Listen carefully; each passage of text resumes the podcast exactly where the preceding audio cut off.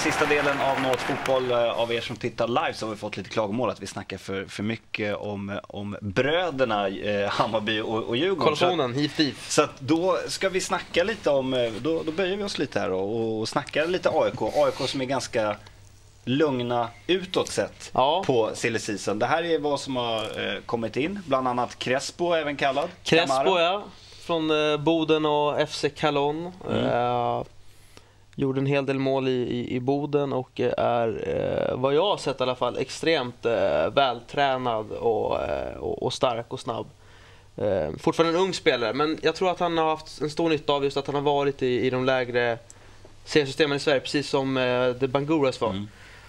Och det har vi snackat om tidigare att, att jag tror att till exempel att en kille som Kari Kari hade haft en enorm nytta också av det om han hade fått ett år i ja, Väsby eller Köping eller vad det nu kan vara. Eh, Så det är bra. Ja, och just nu så är ju eh, Jens och, och Björn nere i, i Afrika och försöker titta Ja, på vad lite. händer med Djurgården? Ska inte de med på den resan? Nej, de ska åka senare. Det blev ju något problem med visumet där. Ja, just just Vad hände där egentligen? Jag har faktiskt ingen riktig koll på vad som hände. Så här exakta detaljer. Men uh, Khaled hade ju lämnat in en visumansökan och eh, fick inte tillbaka sitt visum och pass innan avfärd Nej, då blir det svårt. från ambassaden. Nej, Och då blir fick han heller inte skaffa ett nytt pass. när Jag det läste för övrigt på, på Patrik Mörks eh, Twitter att Jens hade blivit av med sitt pass eh, nere i Afrika. Så vi får se om han kommer hem. Ja, men det är lurigt det där. Man vet aldrig om man kommer hem eller inte. Men eh, förhoppningsvis kommer de hem med en drös nya eh, förslag på spelare. Eh, sen, ja, även Atakora har ju fått ett treårskontrakt här. tycker jag också känns som ett korrekt beslut med tanke på att vi har förlorat lite yttermittfältare i truppen. Han eh, kom in, gjorde det bra. Eh, och eh, Edvard Ovoso känns ju som en, en ny Milosevic kanske eventuellt. Om, och framförallt som ett backup-alternativ till antingen Backman eller Milosevic. Som kan sticka då. Just eh, Milos, jag tänker lite mer så här, det, det är lite rykten, jag vet att du Kviborg snackade om Ivan Obolo som en, en potentiell drömvärvning. Eh, men att ni riskerar att, förlora en del spelare, till exempel eh, Alexander Milosevic som Mm. blev utnämnd till årets nykomling också i, den här eh, fotbollsgalan som vi inte ska kanske säga så mycket om i övrigt. Men det finns ju en risk att ni torskar den här killen. Absolut, så är det ju. Så ska man inte glömma bort att hans kollega Backman är minst lika bra. Bara att han får inte lika mycket uppmärksamhet. Milosevic, ja, otroligt bra säsong.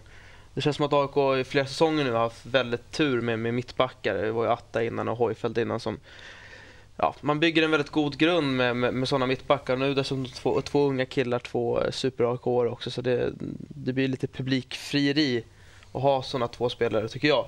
Milosevic verkar också vara en jävligt ödmjuk kille som har båda fötterna på jorden och jag tror inte att han kommer krita på första bästa utlandskontrakt utan han fattar nog själv att, att det kanske inte är så jävla smart att gå till Liverpool som det till exempel snackas om att ska han gå någonstans så kanske han ska börja med en, en tysk eller en holländsk klubb eller vad det nu kan vara.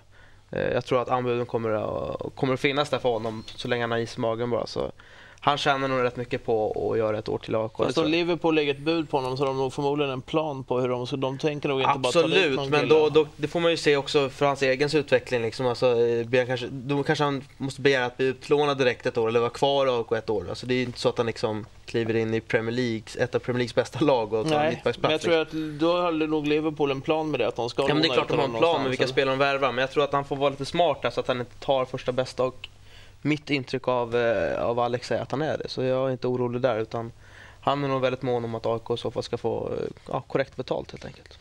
Det snackas ju också lite om eh, Spanien-proffset Henok Goitom. Mm. Att han skulle komma. Sen dementerade han på sin Twitter att han får inga diskussioner med AIK. Ja, och det vilket han Eh, måste göra också i och med ja. att han har ju ett kontrakt med, med Almeria fortfarande och då kan man ju liksom inte säga att ja, jag börjar förhandla med AIK. Men hur realistiskt är det då? Att ni, eh, Eh, vad jag har förstått så, så eh, är väl det inte helt otänkbart att han eh, dyker upp här till sommaren. Eh, och jag vet att AIK är intresserade av honom såklart.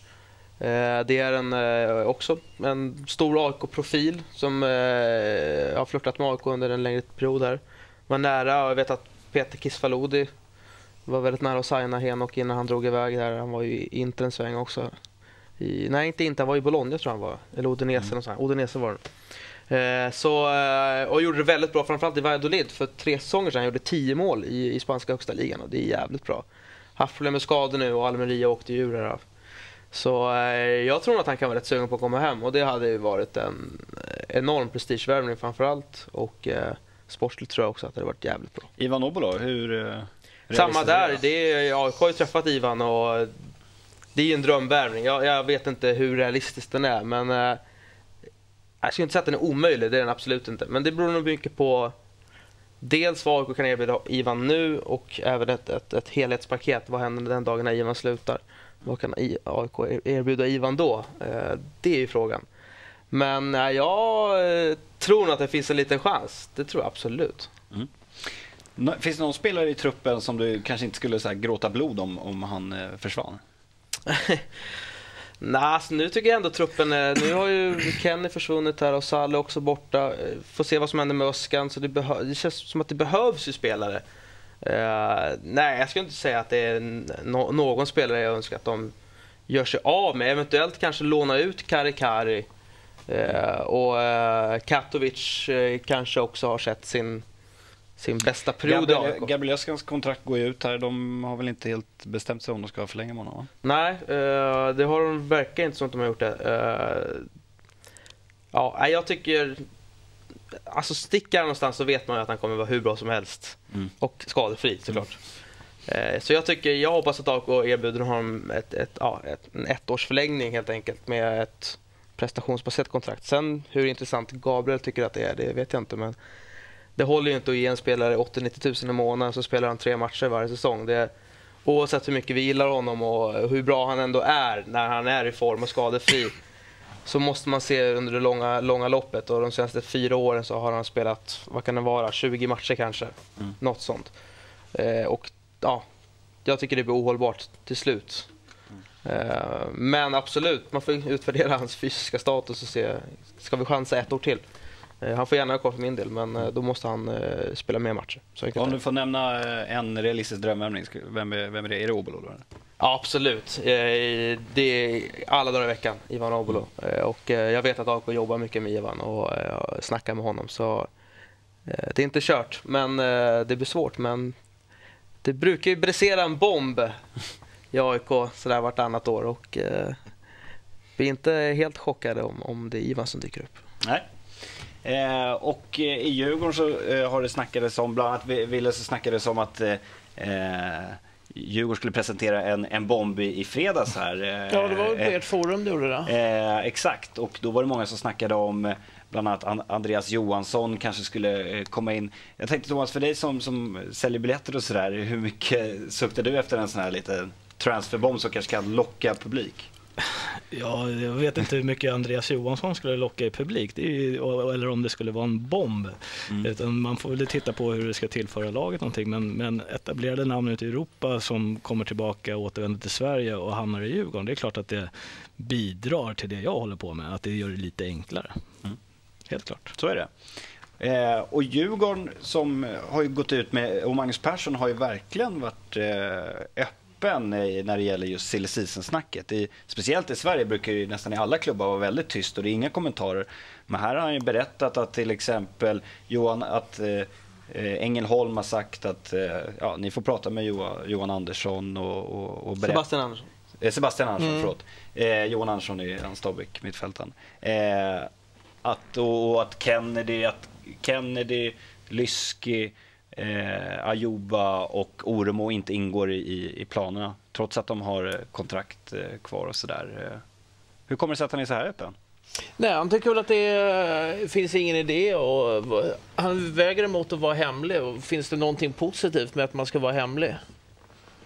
I Ja, det, kanske, det kanske sätter lite så här i kontraktsförhandling eller försäljningssammanhang att man... Jo, men om du, ska bli, om du har en spelare i truppen som du känner att den här killen ska vi försöka sälja, då måste man ju på något sätt sprida ordet till agenter. Så att folk vet ju att han är till salu. Det är inte så, här så att Barcelona har funderat på att lägga ett bud på 500 miljoner på Oremo. Nu sjönk det till 400 miljoner för att man sa att han inte ingår i Djurgårdens framtidsplaner.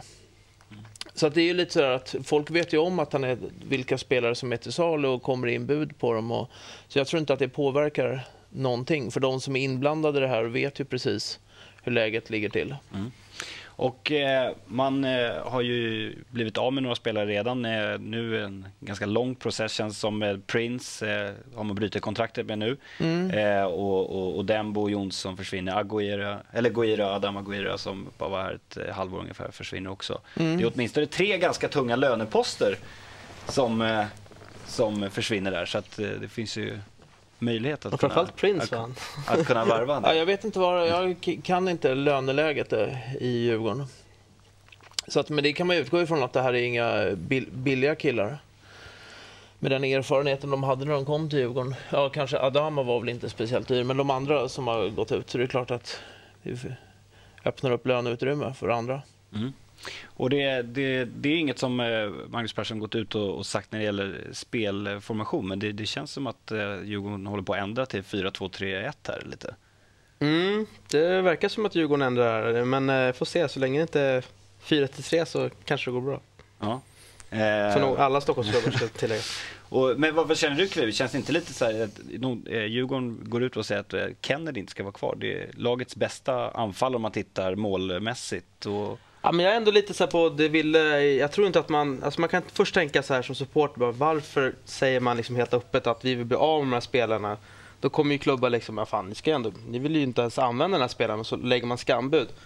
Å andra sidan så jag vet att Kennedys agent sa ju liksom att det här var det bästa besked de kunde få, för att då vet han redan nu att jag kommer inte få spela i Djurgården eh, och, och nu har jag ändå ett halvår på mig eller vad det är och, och, och fixa en ny klubb. Så jag kan tycka att, eh, sen om man tar det via media eller inte, det kanske man kan skita i. Men att vara rak och ärlig och öppen mot de spelare man inte vill satsa på och göra det snabbt, det tror jag är jävligt bra. För att det eh, gynnar nog alla parter. mm eh, och så ska Djurgården värva en ny målvakt har man ju sagt också. Det är det det ryktas nu om, eh, om BP's eh, keeper Kristoffer Nordfeldt eh, ute i media. Men, men det, det är två klara nyförvärv i alla fall. Eh, Nair Royal och Josef Chipsa som du har träffat Wille. Ja, precis. Nahir Hur- hur är kom- de? Ja, jätte... Som personer? Ja, i Chips har jag ju träffat tidigare, för han var ju med oss på träningsläger Mm. när eh, han fortfarande spelade nere i Ghana och var med oss i Sydafrika för ett par år sedan.